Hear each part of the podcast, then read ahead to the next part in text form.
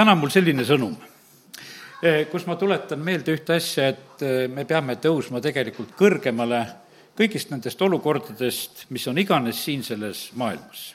jumala sõna ütleb meile väga selgesti selle, seda, et et taeva mõtted on teistsugused, need on kõrgemad, jumala teed on paremad ja kõrgemad ja, ja sellepärast me lihtsalt vajame neid. ja võib-olla üks selline põhiline kirjakoht, mis nagu seda võrdlust või seda pilti meile annab, on see hetk, kui Mooses on mäe peal ja rahvas on all. ja, ja, ja see on täiesti kaks erinevat maailma seal on nii, et hiljem võib-olla natuke loeme selle koha pealt, aga lihtsalt nimetan seda. aga meil on neid mitmeid variante ja võimalusi tegelikult, kuidas me nagu sinna kõrgemasse paika saame. piibel nimetab neid erinevaid kohtasid küll selleks salajaseks kambriks või, või vahipostiks või, või mäelinnuseks, nii nagu ütleme, Taavet armastas seda sõna tarvitada ja Haabakukk oli seal vahiposti peal, Haabakuki teise peatüki alguses on räägitud eh, selliselt. aga kõige tähtsam on see, et, et me tõuseksime kõrgemale, sest et kõrgemal on asjad tegelikult teistmoodi ja, ja palju selgemad. juhtusin siin kas eile või kuskil nägema ühte sellist väikest lühikest videot ja, ja see oli üks selline mõte kotkast ja siis oli niimoodi, et kotkale istus vares selga ja hakkas teda nokaga taguma teate, kuidas Kotkas seda olukorda ära lahendas, ma ei, ma ei julge ütelda, et kas see on tõsilugu või igatahes see pilt oli küll seal olemas, et kuidas seal vares ka eh, toksib, oli see ütleme, arvutipilt või asi, ma ei oskagi lõpuni seda ütelda, aga idee oli nagu selles, et kuidas Kotkas sellest toksivast varesest lahti sai. ta tõusis lihtsalt kõrgele. ta tõusis nii kõrgele, kus varese jaoks jäi hapnikku väheks. sellepärast, et Kotkas on harjunud kõrgel olema ja tal seda hapnikku nii palju vaja ei ole. ja sest, et vaata, erinevad kõrgused alused ja kohad, kus linnud asuvad ja siis on niimoodi, et ja siis lõpuks kot-, see vares kukub sealt kotka seljast lihtsalt maha ära, sest et ta juba minestab seal otsas ära, sest ta enam kõrgemale minna ei saa. ja, ja selle loo moraal oli nagu selles, et vaata, meil on elus igasuguseid olukordasid ja on, on neid vareseid võib-olla, kes me kallal ka toksivad. ja ütleme, inimeste näol ja see on asi lihtsalt on niimoodi, tõuse issandast kõrgemale. ja küll ta lapnik otsa saab. ja, ja, ja sellepärast on see niimoodi, et meie koos oma issandaga saame tõusta, läheme oma salajasse kambrisse, läheme vahipostile, läheme mäelinnusesse või nii, nagu Mooses käis mäe peal ja oli seal issandaga suhtlemas, nii et, et selline e, lihtne meeldetuletus kõigepealt. aga nüüd on niimoodi, et mis seal mäe peal sünnib ja, ja mis sealt, mis sealt saab ja, ja kuidas asjad käivad e, mäe all, võib-olla ongi ikka hea, kui teeme lahti kohe jumala sõna ja, ja natukese vaatame seda pilti sealt teise Moosese kolmekümne teisest peatükist no Mooses oli juba muidugi mõnda aega olnud seal mäe peal, me teame sedasi, et need ei olnud väikesed hetked, need olid sellised neljakümne päeva lood, kui Mooses lahkub oma rahva juurest ära ja läheb issandaga kohtuma ja on mäe peal. ja, ja see kolmkümmend kaks peatükki hakkab siis niimoodi rääkima. Kui rahvas nägi, et Mooses viivitas mäelt tulekuga, eh, siis rahvas kogunes Aaroni ümber ütles temale, võta kätte ja tee meile jumalaid, kes käiksid meie ees, sest me ei tea, mis on juhtunud Moosesega selle mehega, kes tõi meid Egiptuse maalt välja. ja Aaron hakkab kohe asja lahendama ja ütles, et rebige ära kuldrõngad, mis on kõrvus teie naistel, poegadel, tütardel ja tooge need mulle. ja rahvas rebis ära kuldrõngad, eh, mis neil kõrvus olid ja tõid need Aaronile. ja tema võttis nad vastu nende käest, töötles lõikeristaga, valmistas valatud vasika eh, siis eh, nad ütlesid, see on su jumal Iisrael, kes tõi sind Egiptuse maalt välja kui Aaron seda nägi, eh, siis ta ehitas selle ette altari ja Aaron hüüdis ja ütles, homme on issanda püha järgmisel päeval tõusid nad vara ja ohverdasid põletusohvreid ja tõid tänuohvreid ja rahvas istus maha sööma-jooma ja tõusis üles mängima. ja see on nüüd, ütleme, see lugu, mis toimub maa peal ja inimesed lahendavad ise olukorda ära. no natuke läks olukord pikaks, sest et rahvas oli harjunud tegelikult sellega, et Mooses on nende juures, on, kelle juurde küsima minna, nad ju käisid seal järjekordadega, seisid seal ja küll oma asju lahendasid, aga nüüd oli selline lugu, et, et Moosest ei ole, kellegi poole otseselt pöörduda ei ole ja nad on segaduses. Lähevad Aaroni juurde, ütlevad, tee meile jumal ja nii nad tegid seda, nagu me siit lugesime. ja, ja see sündis, ütleme siis, sündis maa peal, mäe all, nimetame seda nõnda. Ja, ja no ütleme, et need sõnad on võib-olla üsna leebelt veel siin öeldud sedasi, ma lihtsalt juhin ka korraks tähelepanu, sellele, et, et see söömine, joomine ja see ülesmängimine, sellepärast et Egiptuse need peod olid, seal oli ka hoorused ja värgid olid veel mängus ja nii, et, et selles mõttes me võime mõista sedasi, et see asi oli siiski halvem veel kui lihtsalt eh, eh, söömine, joomine ja see ei olnud nähtavasti domino mängimine. et eh, noh, see ei olnud veel leiutatud ka sellel ajal. ja aga, ja sellepärast, kallid, nii see oli, et selline olukord oli ühtäkki seal mäe all aga Mooses on mäe peal ja tema on koos Jumalaga. siis issand rääkis Moosesega ja ütles, et mine astu alla, sest su rahvas, kelle sa tõid Egiptuse maalt välja, on teinud pahasti.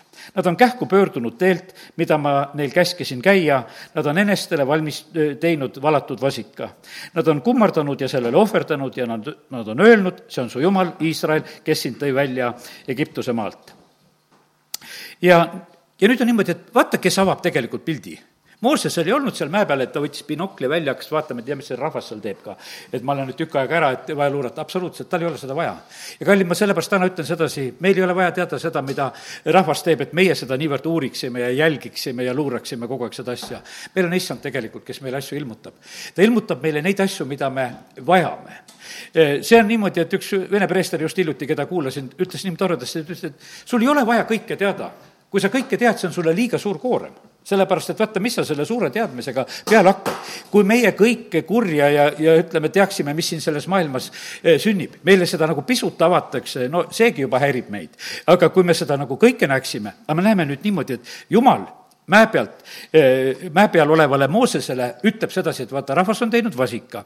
Eh, Mooses veel seda ju vasikat põhimõtteliselt ei näe sellepärast, et temal lihtsalt jumala jutt, see ilmutus, mis tal on seal jumalaga koos olles, jumal räägib talle, et lugu on selline. ja siis jumal räägib oma tundeid talle ka veel, üheksas salm ütleb, issand ütles Moosesele, ma olen näinud seda rahvast ja vaata, see on kangekaelne rahvas. ja, ja siis jumal ütleb sedasi, et aga jäta nüüd mind üksi, mine ära eh, minu juurest, et mu viha saaks süttida põlema nende vastu ja ma saaksin nad hävitada, aga sind ma teen suureks rahvaks, ütleb Moosesele aga noh, Mooses jääb äh, väga paluma, et äh, issand, ära seda tee ja et, et sa oleksid siis need hävitanud maa pealt ja tapnud, oled toonud välja. ja, ja siis me näeme, et Mooses jääb palve peale, neliteist salm ütleb, et issand kahetses kurja, mida ta oli ähvardanud teha oma rahvale. kallid, ma räägin seda täna, et eh, siin palves juba ütlesin sedasi, et me issand on seesama eile, täna ja igavesti. ja sellepärast on niimoodi, et kui me loeme neid Vana-testamendi lugusid, meil ei ole vaja mõelda nii, et meil on mingi Uue Testamendi Jumal ja Vana-testamendi Jumal ja meil on üks ja seesama Jumal. ta on täiesti tunnetega Jumal ta oskab armastada, ta oskab vihata, eh, ta oskab eh, eh, tappa, ta oskab elu anda, kõik tuleb tema käest, ta teeb, surmab ja teeb elavaks, ta teeb kõiki neid asju, meil on selline jumal, kes kõike teeb. ja, ja nüüd on niimoodi, et ta, ega ta siin ei ajanud mingit noh, niisugust tühja juttu siis Moosesele, et, et ma tapan rahva ära, et see oli päris jutt mida ta rääkis. me teame seda, et jumal on seda teinud ja ennem teinud, kui oli veeuputused ja asjad ja need asjad on olnud ennem. ja nüüd on niimoodi, et ja sellepärast Mooses võttis seda kaasa kui reaalset ohtu. meie sageli ei võta jumala sõna kui reaalsete ohtudena. prohvetid kuulutavad räägivad, et häda tuleb ja, ja inimesed ei, ei võta seda kui reaalset ohtu. aga me näeme sedasi, et siin küll Mooses võttis seda reaalselt sellepärast, et tema hakkas palvetama, tal ei olnud sedasi, et noh, et ah, see on niisugune tühi jutt, et ma ei pane tähelegi seda, mis siin praegusel hetkel räägiti. ei, ta võttis eh, jumala sõna ka väga tõsiselt. ja, ja nüüd on niimoodi, et tema palub ka väga südamest ja me näeme sedasi, et issand muudab palve peale eh, selle otsuse ja, ja ta ei tee seda. ja nüüd on niimoodi, et, et kui see olukord, mis nüüd oli siis ütleme, mäe peal ära sündinud, on lõpule jõudnud selliselt, issand on kahetsenud kurja, siis Mooses pöördus alles siis hakkas sealt ära minema ja astus mäelt alla ja tal olid käes kaks tunnistuslauda, mille mõlema poole peal oli siis kirjutatud, neil oli kirjutatud nii ühe kui teise külje peale. lauad oli, lauad olid Jumala tehtud ja Jumala kirjutatud kiri, mis oli laudadesse uurendatud. ja nüüd on niimoodi, et sealt edasi hakkab üks teine olukord, vaata, Mooses tuleb juba allapoole. kui Joosa kuulis rahva häält, ja valju karjumist, siis ta ütles Moosesele, et leeris on sõjakisa. nüüd on ta juba saanud seal ka siis kokku Joosuaga ja no Mooses teadis rohkem ja ütleb temale, ei, see ei ole võiduhüüd ja see ei ole ka kaotuse kisa. mina kuulen laulu häält ja kui Mooses ligines leerile ja nägi vasikat ja ringtantsu, siis ta viha süttis põlema ja ta viskas lauad käest ja purustas need mäejalamil. vaata, kuidas on nüüd üks suur vahe sellest. üks asi oli see, et ta oli saanud ilmutuse ja teadmise, et rahvas on teinud vasika. aga nüüd ta jõudis selle koha peale ja ta nägi vasikat. ja vaata, siis ta alles vihastas. enne me näeme sedasi, et jumal vihastas sest jumal näeb kõike. aga nüüd on niimoodi, et Moosesel oli see, noh, ütleme, ennem oli see ainult sõnum et vasikas on tehtud ja rahvas on ära pöördunud ja neid, aga nüüd ta tuleb niimoodi, et ta täitsa silmsidemega näeb seda asja, ta ligineb leerile, ta näeb seda ringtantsu ja siis süttib tema viha põlema. ta viskab lauad käest ja põhimõtteliselt ta purustab tegelikult need esimesed käsulauad ju sellel hetkel. no ja seejärel ta võtab vasika ja ahvatab selle peeneks ja, ja puistas selle vette ja andis nendele seda juua ja, ja põhimõtteliselt on nagu see selline lugu. nüüd ma usun, et vaata, oleme täna saanud nagu selle pildi praegusel hetkel, et mis on olla kõrgemal ja mis on olla siin maa peal.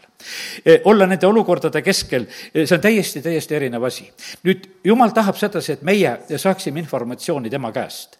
et mitte, et me ei saaks seda siit, noh, ütleme, e, ise oma silmadega. me näeme sedasi, et Joosua pani mööda eksis, ta oli ju ka tegelikult, tema ei olnud kogu aeg seal, noh, ütleme, selles kõrgustes olnud koos Moosesega. aga nüüd on niimoodi, et tema, tema paneb mööda, tema vaatab olukorda ja, ja praegusel hetkel vaata, ma räägin sulle seda, kui me oleme siin maa peal, on küsimus on sellest, et me võime täiesti erinevalt asju aru saada.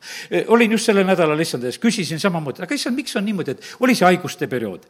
ka jumala rahvas sai kahte moodi sellest asjast aru. mille pärast? aga sellepärast osad on mäe peal ja osad on mäe all ja selle lihtne vahe ongi. osad on niimoodi, kes võtavad Jumala käest ilmutuse, sest Mooses oli kuulnud Jumala käest ennem selle teadmise, et rahvas on teinud vasika. Nad on seda teeninud, nad on talle ohverdanud, tal oli see pilt, hiljem ta nägi seda päriselt. ennem ta lihtsalt sai teada seda. ja nüüd, kui ta nägi, siis see oli ka talle raske, et kui ta seda eh, puht füüsiliste silmadega juba nägi. aga Joosa oli niimoodi, et temal seda ilmutust ei olnud ja sellepärast tema võis rääkida sedasi, oh tead, et, et leeris on sõjakisa ja, ja no ja siis, aga Mooses vastab, ei ole see võiduhüüd, ei ole see kaotuse kisa, mina kuulen lauluhäält. ta teadis sedasi, et seal käib üks e, rõõmus ebajumala teenimine antud hetkel ja selliselt. ja kallid, sellepärast nii see on, et, et täna ütlen, õieti mõistame meie asju siis, kui jumal meile ilmutab, õieti saame asju teada siis, kui me tõuseme olukordadest kõrgemale ja meie peame oma juhised, teadmised, asjad saama tegelikult sealt. meie ei suuda siin, ise siin all, all olles neid asju välja mõelda, et mis siin toimub. ja, ja sellepärast, ja siis juhtub sedasi, et need asjad on nagu kahte moodi, et isegi jumala rahval, et ühed mõistavad ühtemoodi ja, ja teised mõistavad teistmoodi. mäe pealt saab selguse, mäe pealt saab juhised.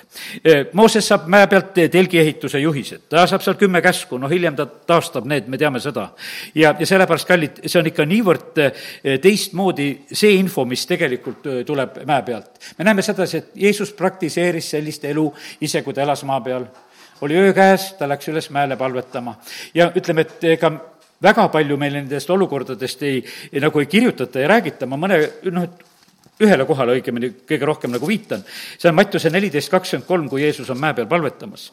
ja, ja siin on selline lugu, et Jeesus on äsja söötnud viis tuhat inimest ja pärast seda ta käsib oma jüngritel minna paati ja, ja, astuda ja sõita vastaskaldale ja siis kakskümmend kolm salm ütleb siin Mattiuse neliteist kakskümmend kolm, kui ta siis rahvahulgad oli minema lasknud, siis ta läks üles mäele üksinda palvetama.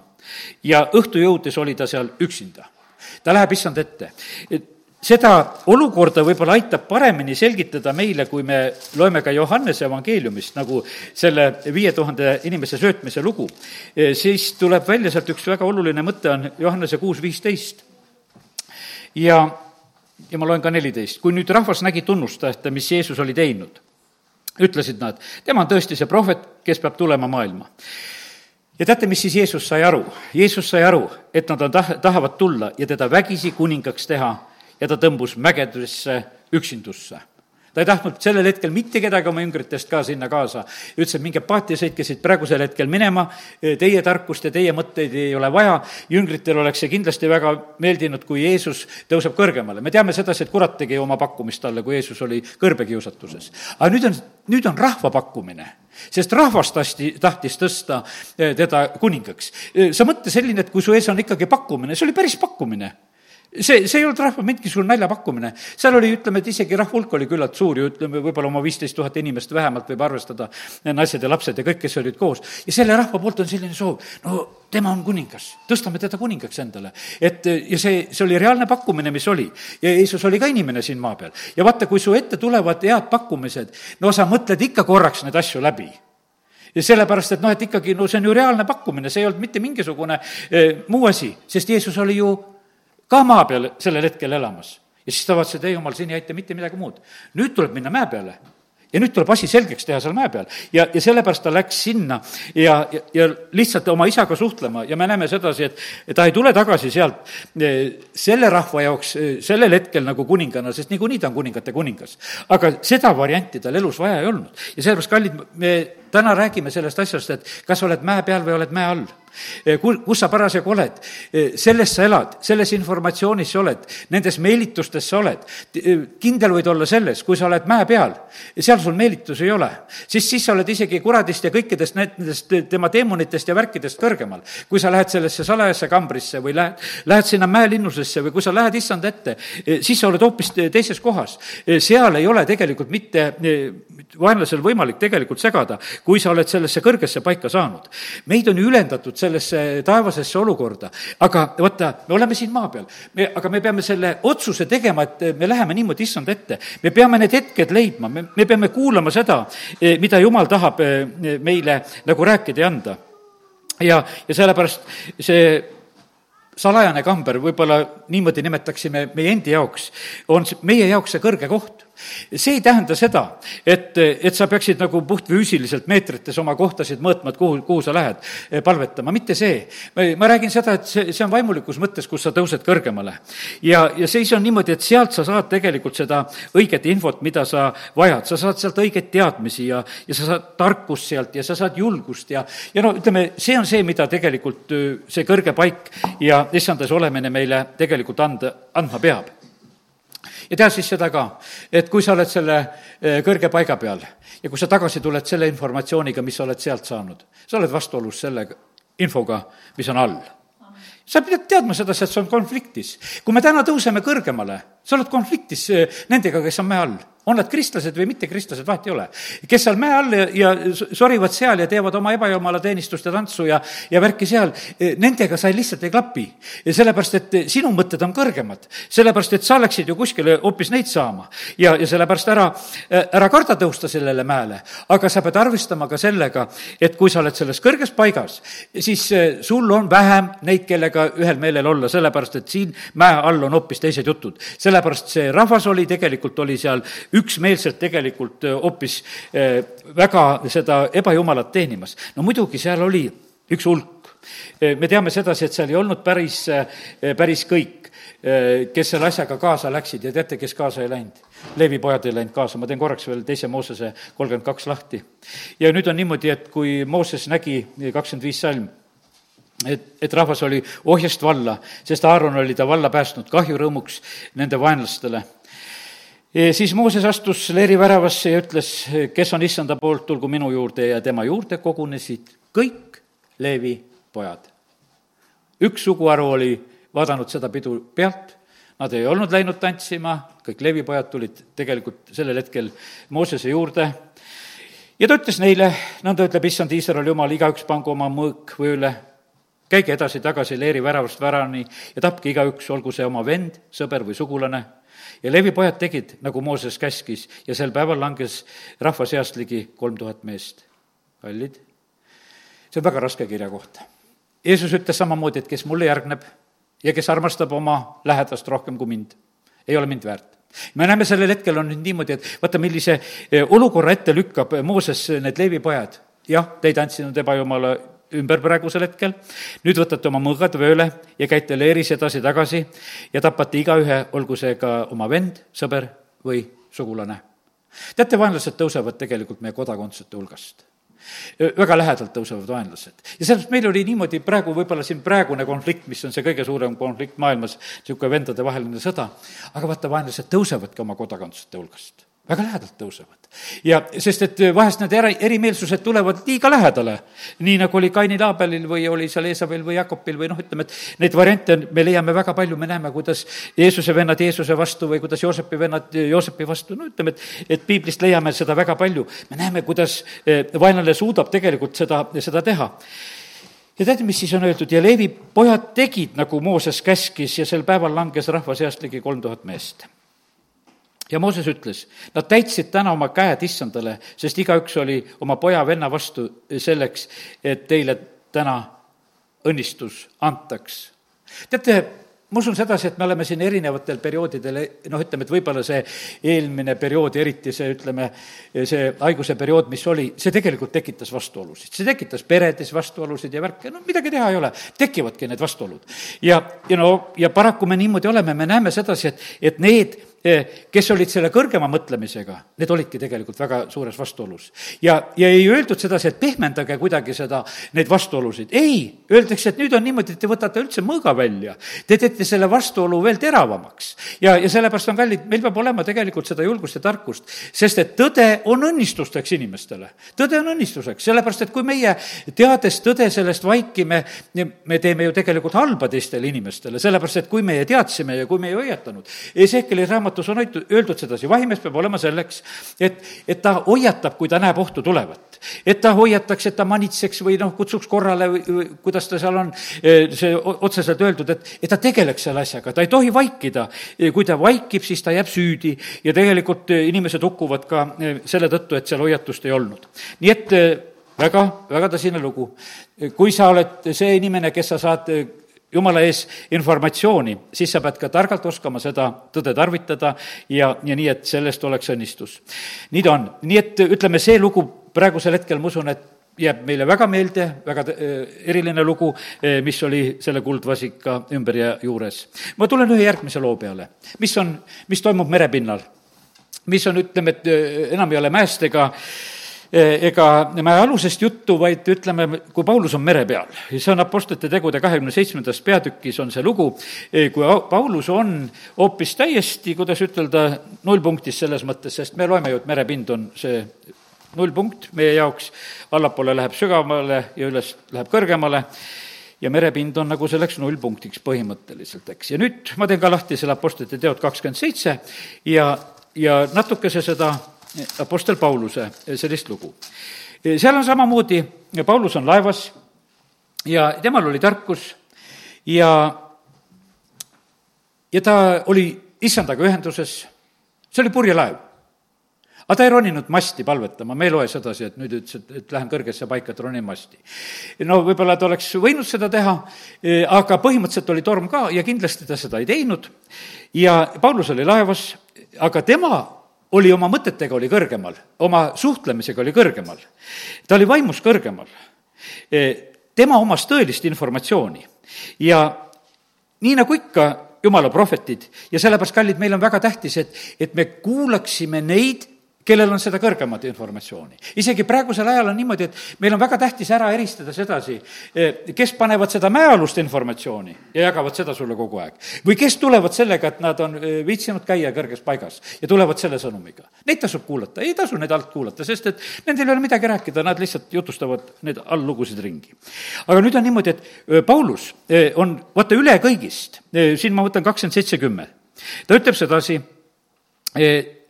mehed, ma näen, et edasipurjetamine muutub ohtlikuks ja võib suurt kahju tuua mitte ainult lastile, vaid, ja laevale, vaid ka meie elule. aga pealik võttis kapteni ja tüürimehe nõu enam kuulda kui seda, mida Paulus ütles. no vaata, seal on niimoodi, et on kapten ja on tüürimees ja siis on üks pealik veel, kes seal oli siis nende vangide ja sõduritega koos seal oli minemas ja ja, ja järgmine salm ütleb sedasi, et ja et sadam oli talvitamiseks sobimatu, siis võttis enamik nõuks minna sealt merele ja kui võimalik, jõuda tarvitama Voonikiasse, sellesse Kreta sadamasse, mis on lahti Edelasse ja Loodesse ja vaata, nüüd on niimoodi, et ja siis on vaata pealik, kapten, tüürimees ja siis on veel enamik. kallid, see on täitsa selge, et meie ei ole täna eh, siin enamik, me oleme see vähemus kindlasti, kes me täna siin jumala sõna juures neid asju üldse mõtleme. Ja, ja nüüd on, me näeme, et Apostel Paulus samamoodi, eh, tema oli selles üksinda, võiks ütelda, selles vähemuses. Ja aga teised elasid äh, lihtsalt omavahel. Nad said kinnitust sellest, et ema, enamik mõtleb nii ja kui enamik mõtleb nii, siis me nii teemegi. ja nüüd oli niimoodi, et nüüd hakkas nõrk lõunatuul puhuma ja nad arvasid, et enda eesmärgile jõudvat, hiivasid ankru ja loovisid priki, piki Kreta rannikut. aga ent üsna varsti sööstis saare poolt alla marutuul, mida ütakse kirdemaruks e, ja tead, teate, mis sealt tuli, ma olen siia juba ammu endale juurde kirjutanud selle, et sealt tuli euroglüüdon. see maru, see kirdemaru on, ütleme kreeka keeles on euro Glüüdon tuli kallale. nii et äh, siit oma järeldused nende eurovärkidega, need kirdemarud äh, võivad vahest kallale tulla.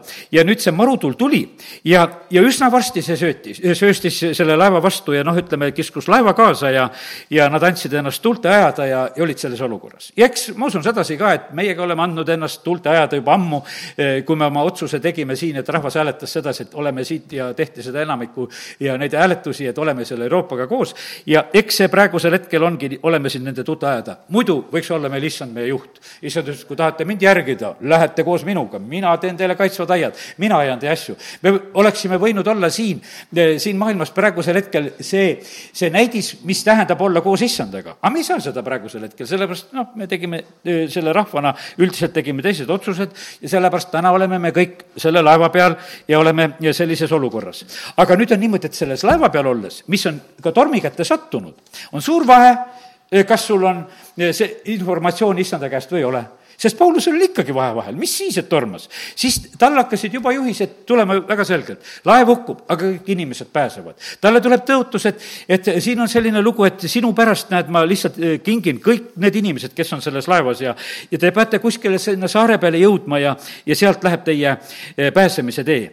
ja, ja sellepärast, kallid, nii see on, kui sa oled omamas seda kõrgemat informatsiooni sa võid olla hoopis teistmoodi nendes olukordades, me teame sedasi, et seal on niisugused lihtsad asjad, et kas või Paulus seal sööb lõpuks teiste ees, ennem kui nad kõik siis selle vilja ja asjad sealt välja viskavad ja, ja ta on lihtsalt õnnistuseks ja abiks eh, sellel hetkel. ja sellepärast, kallid, see maailm vajab neid inimesi, kes käivad kõrges paigas, kes käivad issandaga suhtlemas ja kes toovad sealt informatsiooni.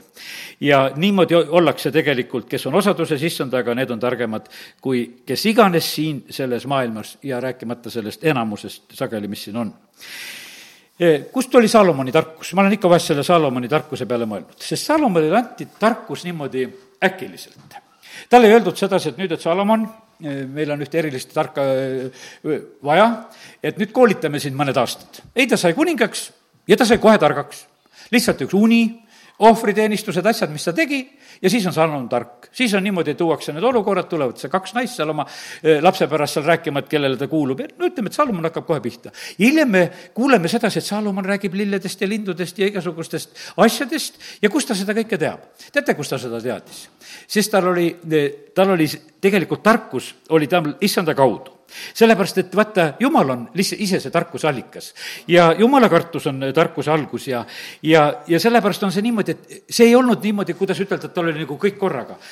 tal oli see tarkus selleks, mida ta käest küsiti. kui ta käest küsiti, siis oli püha vaim talle andmas seda, mida ta tegelikult vajas. sellepärast, et vaata, jumal saab meid niimoodi varustada, ta lihtsalt ilmutab, ta vastab nendele küsimustele, mida küsitakse. vaata, taevane olukord on niimoodi, et ma olen nagu tähele pannud, et need inimesed, kes on nagu käinud taevas ja, ja siis räägivad oma kogemusi, ütlevad, et, et mul tuleb mõte, mul tuleb küsimus, aga mul on kohe sellele vastus sellepärast, et sa oled selles, selles kohas, kus on kõik info ja tarkus on olemas ja sinu mõte vastatakse sulle ära. ja sellepärast, kallid, selles salajases paigas, kui sa käid issanda ees, see on vahest minul endal niimoodi ehmatav, jumal, et äkki see on oma mõte. sest et vaata, selle mõttega jumal sulle vastabki sa saad selle vastuse ja sellepärast on niimoodi, et sulle sellel samal hetkel võiks ütelda, kui sa mõtled, juba oma küsimust küsida, sul hakkab see vastus tulema. vahest on nagu isegi mul niisugune tunne, et mul on juba nagu tagurpidi, et nagu see vastus on juba ees. et jumal, ma ei saanud oma küsimust lõpuni küsida veel, aga et kuidas see vastus juba tuleb. ja, ja noh, et eh, nagu tahaks nagu õiget järjekorda panna selle asja. aga siis juba saan aru sedasi, et, et lihtsalt see tuleb, sest et issand näeb sedasi, ta teab ennem, kui me palvetame, ta teab ennem, kui me hakkame küsima ja, ja sellepärast issand niimoodi lihtsalt toimibki. ja sellepärast kindlasti oli Salomoni elus oli ka, see jumala tarkus oli niimoodi toimimas toimimas. ja nüüd on nii, e, Jeremiah üheksa e, kakskümmend kaks on öeldud. nõnda ütleb issand, ärgu kiidelgu tark oma tarkusest, ärgu kiidelgu vägev oma vägevusest, ärgu kiidelgu rikas oma rikkusest, vaid kes kiitleb, kiidelgu sellest, et ta on arukas ja tunneb mind. et mina olen issand, kes teeb head, õigust ja õiglust maal seesugused asjad on mu meele järgi, ütleb issand. ja pane tähele, mis on see asi. ei ole vaja kiidelda targal oma tarkusest ega vägeval oma vägevusest, on vaja tegelikult tunda Jumalat. arukas on see, kes tunneb mind ja, ja kes kiitleb issandast ja sellepärast vaata, meie tarkus ja arukus on selles, kui meie tunneme issandat ja kui me temast kiitleme.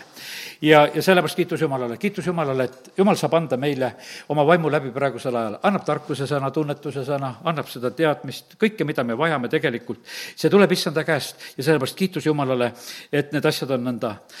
rikaste koha pealt on tõsised hoiatused tegelikult Jumala sõnas, siin oli ka öeldud, et ärgu kiidelgu rikas seal oma sellest asjast ja, ja nendest asjadest absoluutselt ja, ja vägevusest need.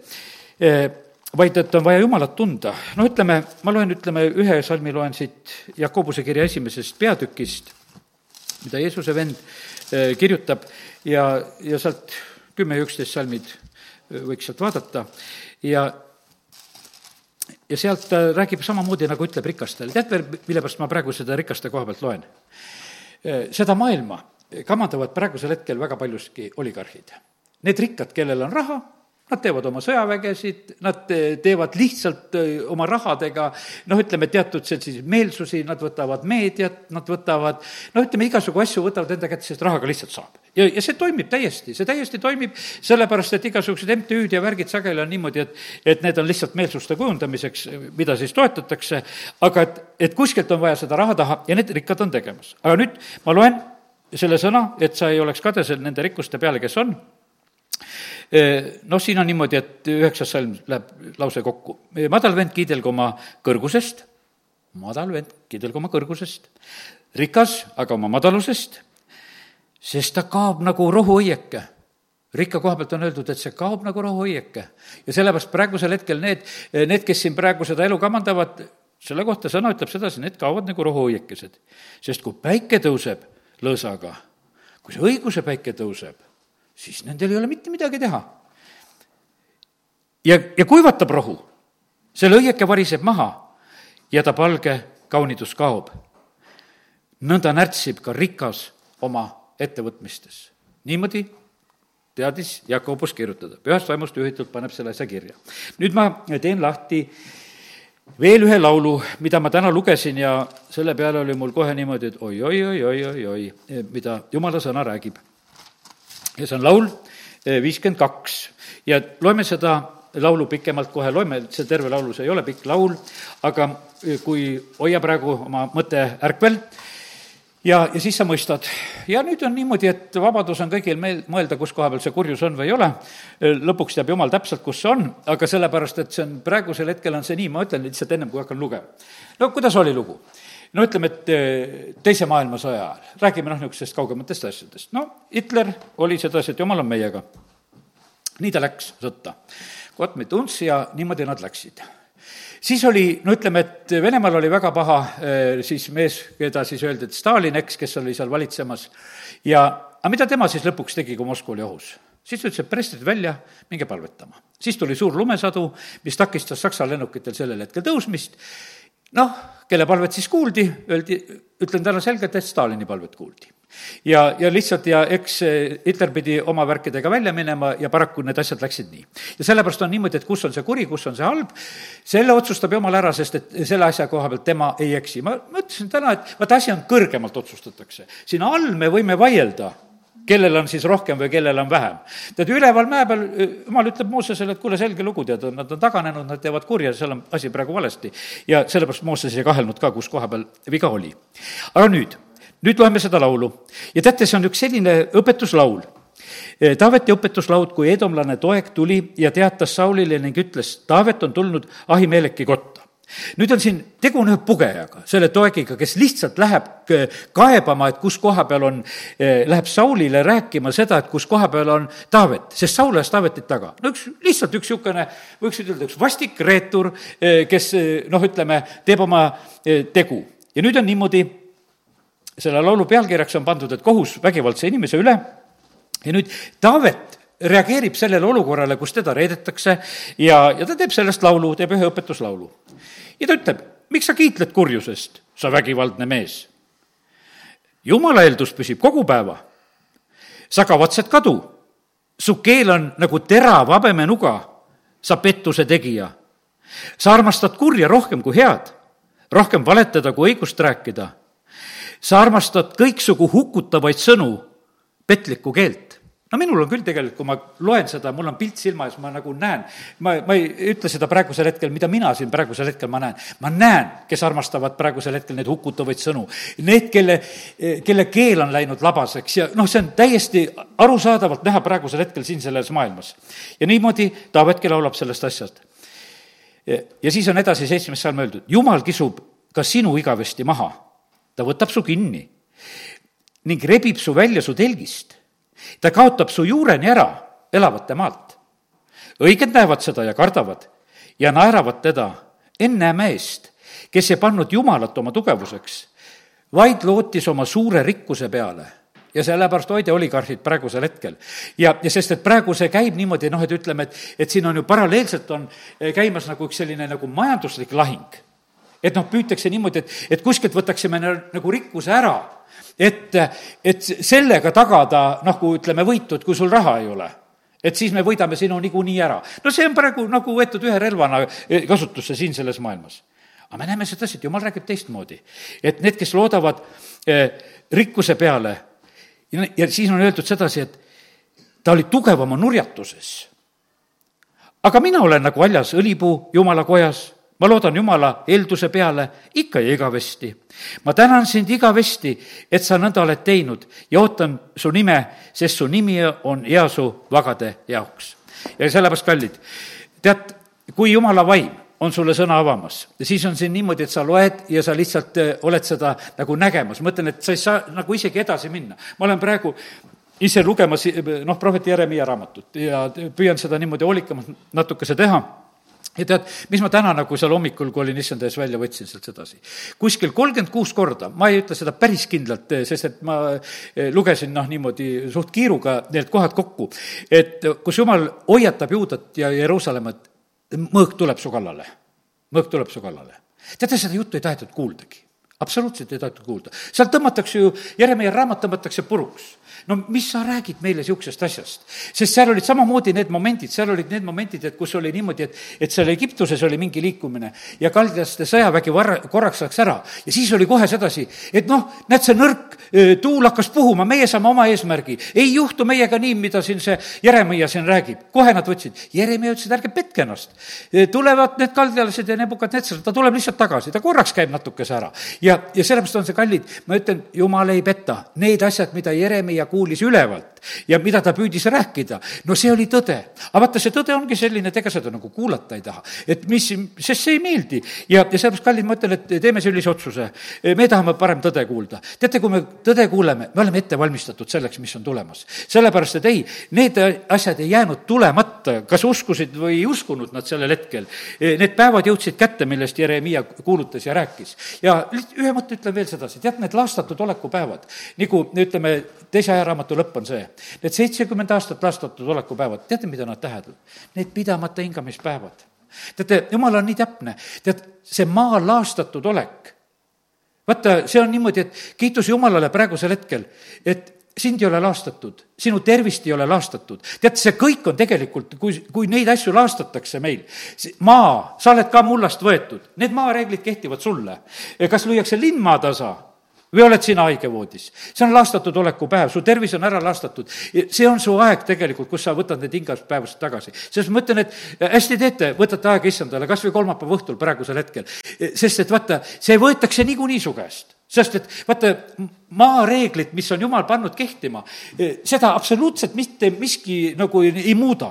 ja sellepärast need on nii tõsised reeglid. jumala sõna ütleb sedasi, et seal kolmandas Mooseses räägib, et maa sülitab välja, kui pattu tehakse. maa sülitab välja oma elanikud, kui pattu tehakse. maa sülitab välja need. meile tundub sedasi, et mingi teine sõjavägi sülit-, sülitab meid välja või mingisugune muu asi. ei, maa sülitab välja meid, ütleb jumala sõna, et, et maa teid välja ei sülitaks. ja, ja kui maa tahab teid hoida, siis mitte miski ei liiguta teid selle paiga pealt ära. Sa oled nagu kalju peal, tulgu tormid või tuuled, sa mitte kuskile ei liigu. aga kui, kui sa oled valesti, siis maa sülitab sul hopsti välja ja lihtsalt lähed. ja me näeme neid sülitamisi praegusel hetkel, mis siin toimub erinevates riikides ja paikades ja, ja kohtades. ja sellepärast, kallid, oi, see on võimas, kui me saame tegelikult jumala sõna lugeda ja, ja, lihtsalt, et kui me oma mõtteid ja meeli saame uuendada sellega, mida me jumala sõnast leiame. sellepärast sa võid lugeda vanas, vanu lugusid. no ei saa rääkida praeguse aja lugusid, sellepärast et vaata, need on nii valusad haavad. Neid ei saa torkida, need peavad ennem ära paranema, siis saab neid näidetena rääkima hakata. Neid asju räägitakse aastate pärast kui näiteid väga selgelt räägitakse. ja aga praegusel hetkel on kiitus Jumalale, et Jumalal on nii hästi tehtud. meil on pikk ajalugu siit piiblist võtta, kõik asjad on juba enne sündinud ja nad sünnivad jälle ja, ja sellepärast juhtub asi, me loeme vana lugu, aga räägime tänasest päevast. ja nii, nii hästi see lihtsalt lähebki nii et kiitus Jumalale, et, et meil on. ja teate, kui me käime koos issandaga, siis meie lamp ei kustu. siis me käime selles valguses ja, ja see on, see on tegelikult, kuidas ütelda, see on põleva südamega käimine. see on niimoodi, et kui sa loed seda Jumala sõna, sa tunned, su süda läheb põlema, sa saad sellest aru. sest et vaata, kui Jumala vaim sulle seda avab ja räägib, siis see on hoopis teistsugune lugu. aga õelate lamp kustub ja vaata, ja sellepärast on osa inimesi on siin selles maailmas just nende õelate koha pealt, nad on lihtsalt, on pimeduses. sellepärast, et vaata, jumal ütleb, et ma kustutan teil valguse ära.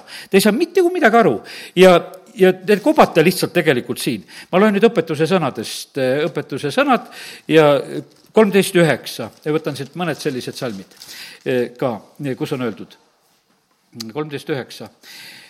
Õigete valgus paistab rõõmsasti, aga õelate lamp kustub ära see on jumala sõna tõotus, nüüd võtan kakskümmend neli ja kakskümmend ka veel õpetuse sõnadest e, veel, e, kus on öeldud väga tõsised tõed. loen üheksateist ka. ära ärritu kurjadest, ära kadesta õelaid, sest kurjal ei ole tulevikku. õelate lamp kustub ja sellepärast me võime olla väga julged selle koha pealt, et kurjal ei ole tulevikku, see on issanda sõna. Ja, ja sellepärast õiged ja vagad, need pärivad maa, see on kogu aeg ja me näeme sedasi, et, et teate, kui kurjale antakse natukene aega, see on meeleparandusaeg see mitte midagi rohkemat ei ole see. ja, ja sellepärast täna palvetame ka sellepärast, et, et kes, kes on oma kurjuses, et jumal valgusta nende silmi, anna nendele veel armu, et nad saaksid meelt parandada, seal lihtsalt teist võimalust ei ole. ja nii on teate, ilma issandata tuleb tegelikult puudus, tuleb kätte tuleb puudus kätte, kui te olete ilma minuta. kadunud poeg, kellest eh, Jeesus räägib, ütleb, et eh, viimaks tuli talle, tuli puudus kätte. mis on siin praegusel hetkel siin selles maailmas? Eh, siin on niimoodi, et paljuski asjast tuleb puudus kätte. Eriti on siin, ütleme, et praegu me näeme, et energiakriis tuleb kätte. noh, meile võib tunduda sedasi, et et noh, et see on nagu, kohati on see nagu korraldatud, et, et ju on ju veel eh, gaasi ja on ju veel naftat ja on ju veel kivisütt ja on ju veel põlevkivigi ja ja aga et lihtsalt siin oma nende reeglite ja asjadega nagu korraldatakse seda elu vahest ringi ja noh, no ütleme, et igasuguste suhtumistega ja noh, paljuski see on võib-olla nagu selliselt. aga vahet ei ole, kuidas see puudus sulle kätte tuleb sest et kui on puudus käes, siis on puudus käes. sest et vaata, see tuleb, eh, see tuleb lihtsalt kätte ühel hetkel, me näeme sedasi, et kui sa Jumalat ei kuula, viies Mooses kakskümmend kaheksa, siis sa oled täielikus puuduses, oled alasti ja puuduses lihtsalt sellepärast, et sa Jumalat ei kuula. ja, ja ega siis maailmas pole rikkust sellepärast vähemaks jäänud. see kõik on ju siin olemas, aga sul on puudus ja kogu lugu. ja sellepärast on see nii, et, et me peame selle, seda mõistma, et kui me oleme ilma issandata, eh, siis on tegelikult, tulevadki need kriisid. ja, ja see lihtsalt on niimoodi, jumala rahval on niimoodi, et jumala sõna ütleb sedasi, et, et kui me oleme ilma temata, siis meil vaimulikus mõttes lõpeb ka õli. siis osadel, osadel ei ole õli lampides enam. Nende lambid ka kustuvad ja sellepärast, et vaata, tuleb see lihtsalt, see puudus tuleb kätte mul oli väike küsimus issandale ka veel, küsisin issand, aga mis on nende araablastega, vaata, kellele see õliallikas anti. seal ütleme, et vaata, kui Iismael ära aeti, ja, ja siis isak jäi koju, siis on ju niimoodi, et seal on nii toredasti öeldud, et ta annab allika ja, ja nüüd ütleme, praegusel ajal me ütleme, alles mõistamegi nagu sedasi, et, et araablastele anti see õliallikas. ja ütleme, et araablased eh, on siin olnud noh, ütleme väga suured õlikaupmehed ja siis osad riigid on selle tõttu ka väga rikkad ja, ja see on nagu, need allikad on nagu nende käes. no ja e, olin nagu selle küsimusega natukene issand ees ja mõtlesin, miks see nii on, aga koguja raamatust võtan siia ühe salmi, mis annan nagu ka natukese nagu sellele teemale vastuseks, koguja kaks, e, kakskümmend kuus. nii, koguja tuleb õpetuse sõnade järel, jah, ja kaks kakskümmend kuus, kus on siis öeldud üks tore salm. sest tema annab inimesele, kes temale meeldib, tarkust ja tunnetust ja rõõmu. aga patustele ta annab ülesandeks korjata ja koguda, et siis anda sellele, kes Jumalale meeldib see ongi tühi töö ja vaimu närimine, nii nagu koguja selles oma raamatus seda kirjutab. kallid, taha olla selles esimeses kategoorias, kui, et sa meeldiksid Jumalale ja et Jumal annaks sulle tarkust ja tunnetust ja rõõmu. patustele antakse ülesandeks, neid kohustatakse, te peate korjama ja koguma, et siis anda nendele, eh, kes Jumalale meeldivad praegusel hetkel on niimoodi, et need, kes seal koguvad ja korjavad ja pumpavad ja teevad, ja üldse need ükstapuha, kus koha peal need pumbatakse, tehakse, siis on niimoodi, et äkki võetakse nagu kellegilt see ära. tegelikult jumal tahaks anda. Ja osad on niimoodi, et keerake kütet maha ja, ja, ja piirake oma asju sellepärast, et te enam ei meeldi nii jumalale, sest teile ei anta. Sest et vaata, seda allikast lihtsalt seda, seda kraani keeratakse kinni, ei anta, põhjust, vahet ei ole, mismoodi see põhjus tuleb. rahustage ennast, kuidas tahate, aga mina ütlen, et lõplik põhjus on see, et kui jumalale ei meeldi anda, küll ta selle põhjuse leiab, et kuidas ta sulle seda ei anna. ja sellepärast on niimoodi, et kes on sattunud kuskil, eh, kuskil mõttes praegusel hetkel kriisi, siis ainuke asi on jälle selline lugu, paranda meelt, hakka jumalale meeldima, küll ta selle kraani lahti laseb. küll need patokid voolama hakkavad, sellepärast et sellest ei ole, siis ei ole sellest pääsu. sellepärast, et vaata, jumala veesooned on vett täis ja jumal tahaks õnnistada, aga vaata, ta kunagi ei tee eh, vastu oma, oma seadusi. ja, ja sellepärast eh, puudus on jumalast taganemise tunnus ja on see Agai raamatus, on see viiendas Moosese raamatus, e, tunneme väga hästi seda asja, rohkem ei räägi ja sellepärast on kallid, ütlen täna ühte asja seda. nüüd on niimoodi, et kõik need olukorrad, mis meie ümber on, ära püüa mõistusega neid seletada. ainult kõrgemast paigast oleva infoga sa võid neid asju vaadata. ilma issandata ära otsi seletusi. meil ei ole mõtet otsida seletusi. me teame, et Jeesuse juurde tulid, miks need jäid sinna Siilo torni alla ja miks seal Herodes seal neid tappis ja ohvrite verega segas ja miks, miks, miks, miks. Jeesus ütles, parandage meelt et äh, see on kõige tähtsam asi, et te peate seda tegema. ja teate, ja kui jumal tahab meile ilmutada teatud asju, et mis on miks, äh, siis ongi niimoodi, et las tema meile seda ilmutab. ja, ja just nii palju, kui, äh, kui tema seda tahab. sest et vaata, issand on tõotanud olla iga päev meie juures. jäta meelde seda, issand on tõotanud olla igal päeval, kui tulevad sõjapäevad, issand on iga päev meie juures. on sõjapäev, on rahupäev, vahet ei ole iga päev tähendab iga päev, jäta see meelde. see, sedasi ei saa öelda sedasi, et nüüd on midagi viltu, ei ole üldse absoluutselt viltu, vaid iga päev on meie juures. ja, ja sellepärast kiitus Jumalale. ja natuke ma ennem juba viitasin sellele, et nüüd jõudsin selle koha peale, et, et ma küsisin, et Jumal, miks on erinevad arusaamad? E, miks on erinevad arusaamad ka praegusel hetkel ka kas või sellest sõjaolukorrast, mis on siin selles maailmas? ja aga küsimus ongi selles, et selgus e, iga olukorra jaoks tuleb issanda käest vana kogemusega ei saa lahingusse minna. nii oli see näiteks Jeeriku või Ai vallutamine ja mõlema lahingu jaoks tegelikult oli vaja strateegiat issanda käest. Taavet oli see, kes alati tegelikult otsis eh, issanda käest strateegiat. ükskord oli tal lihtsalt, et kivid tuleb võtta ja minna koljati vastu.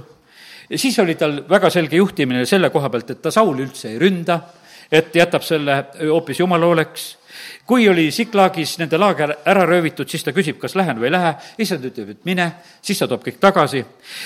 kui Taavet oli juba saanud kuningaks ja tal olid nagu sellised kuningana esimesed võitlused vilistidega, noh, ütleme, Koljatiga oli ka tal juba esimene võitlus ju vilistiga ja aga siis hiljem, sealt teise Saamuli viiendas peatükis, seal on niimoodi, et kas siis mägede peal või lagendikus või, või siis nende paakapõõsaste poolt kuuled seda kahinat ja, ja siis on issand ees minemas ja kallid, sellepärast on see niimoodi, et praegusel hetkel meil kellelegi ei tasu tarka panna. tead, need peavad suud kinni pidama praegusel hetkel, kes seletavad asju lihtsalt mäe all olles või vanade kogemuste järgi. ükski vana sõda ei aita praegusel hetkel võrdluseks sellises otseses mõttes. ma räägin neid võrdlusi, aga praeguse hetkeolukorra sellise lahenduse ja selguse me peame saama issanda käest. ta võib anda mõne vana võrdlusega, aga see peab ka olema issanda käest, ütleb, võta, see sobib praegusel hetkel, see arusaam sobib. issanda käest tuleb need asjad tegelikult küsida. ja, ja sellepärast eh, nii on tähtis eh, tegelikult alati käituda.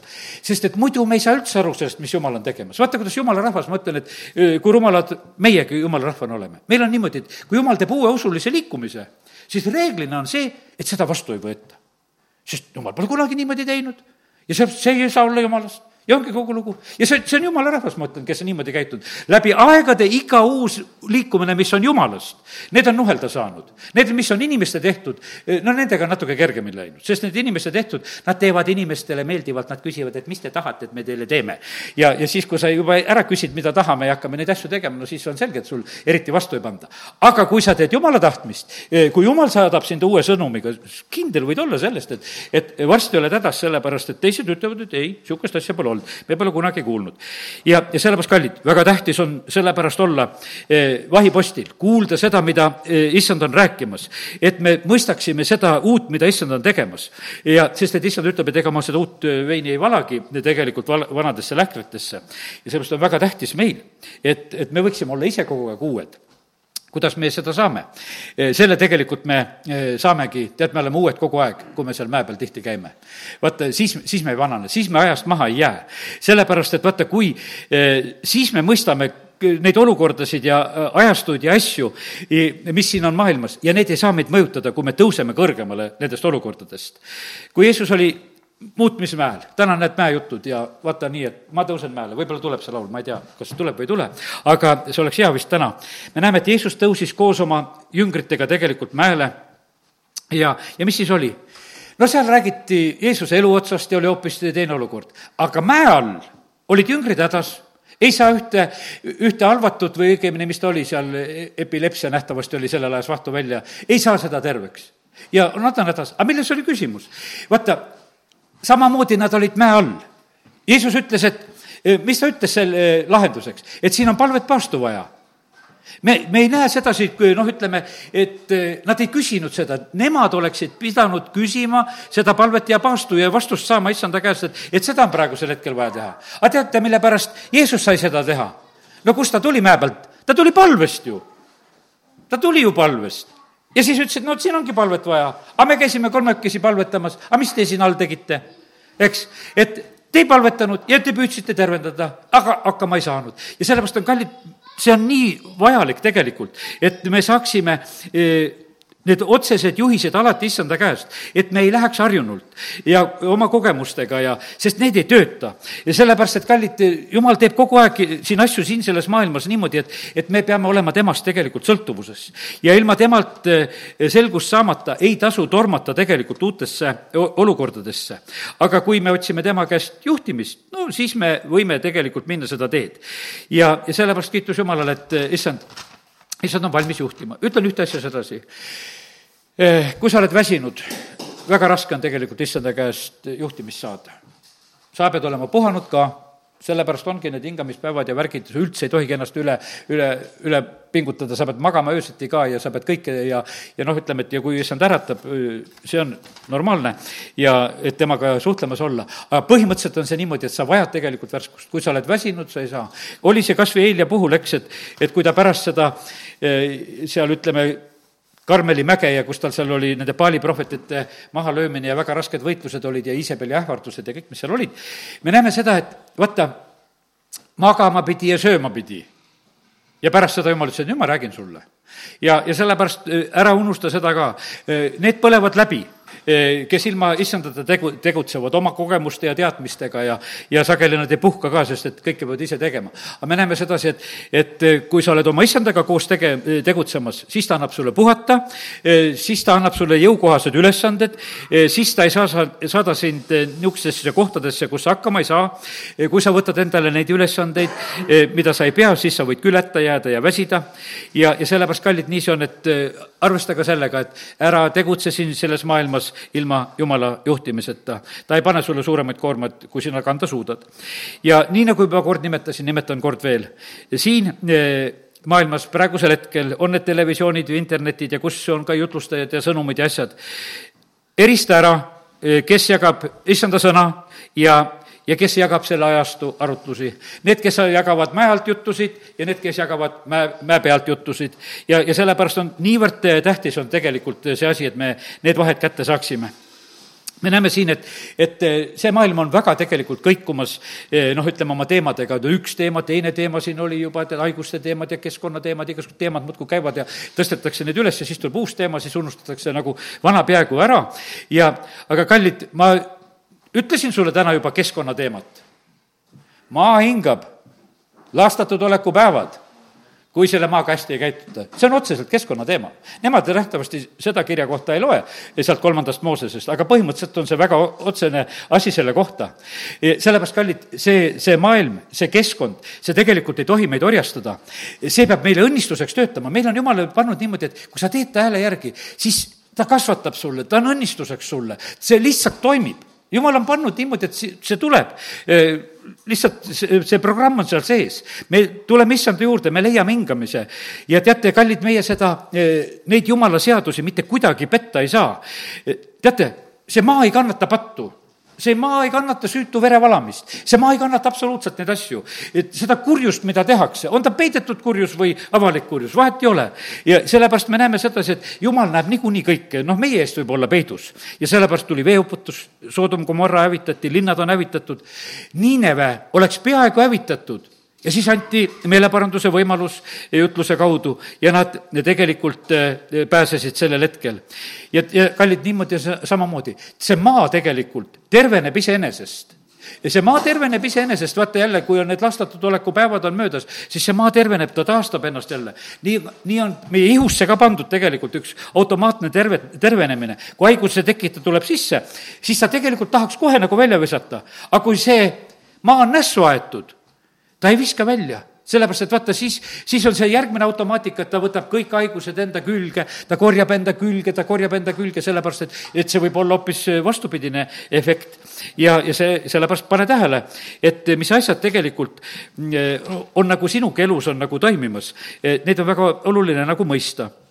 sest et, et jumal on muutumatult tegelikult oma seadustega neid asju tegemas. sellepärast me võime täna nii kindlalt rääkida, ükstapuha, kust piiblist võtame. issand on seesama, ta seadused on samad ja ma olen viimasel ajal, vaata, mul pole varem nii kõrva juhtunudki seda, et, et vaata, Eesti koha pealt on räägitud samamoodi, et Eesti rahva hävimise oht.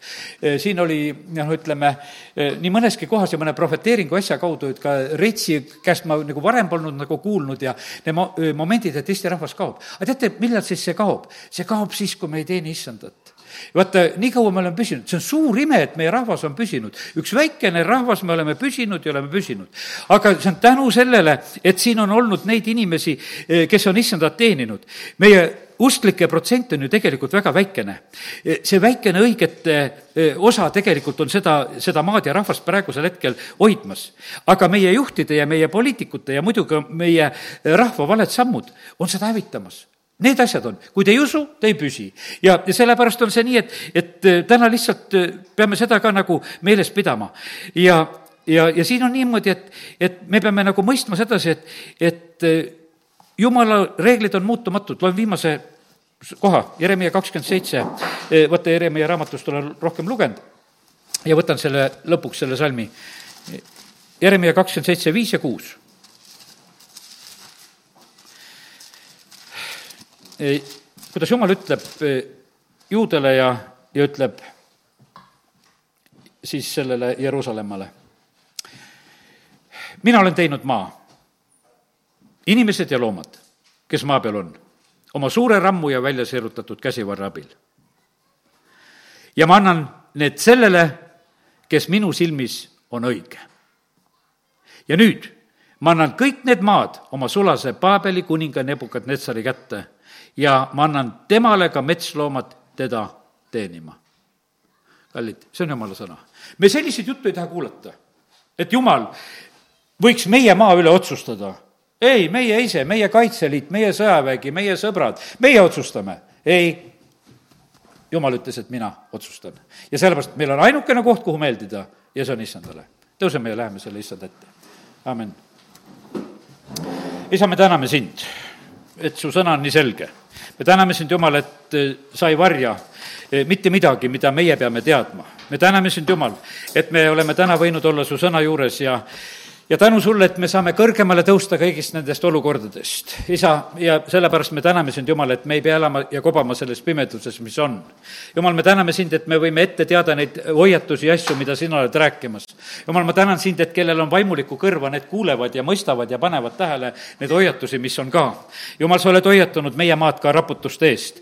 ja mitte, et kurat raputab, vaid sina raputad. ja sellepärast, isa, me täname sind, et, et sina räägid neid asju ette. ja me täname sind, issand, et me täna võime olla siin üks rahvaosa, kes me tuleme lihtsalt sinu ette. jumal, ei oska mina täna lõpuni seda ütelda, kas, kas veel on eh, see armu andmise hetk või oleme me midagi juba nii jäädavalt ületanud, aga issand, vähemalt me täname sind, et meie, olenemata nendest olukordadest, mis on, võime usaldada sind. me täname sind, et kui rahvas viidi Paabeli vangipõlve, eh, siis oli nii, et sina hoolitsesid seal Jeremiah eest, sa hoolitsesid nende reebaklaste eest ja, ja, ja sa hoolitsesid selle kirjutaja eest, kes oli ja jumal, sa hoolitsesid väga hästi kõikide eest. ja sellepärast, isa, ma tänan sind, et kes me oleme sinu lapsed. me võime arvestada sellega, et sa oled seesama ja sa käitud samamoodi. aga isa, täna me oleme veel siin ja, ja sellepärast, isa, me täname sind, et me võime veel paluda lihtsalt su armu. ja aga jumal, ma ütlen siiski selle peale, kõige rohkem sedasi sündigu sinu tahe, sina tead, kuidas sina seda maad ja rahvast saad päästa ja äratada, amin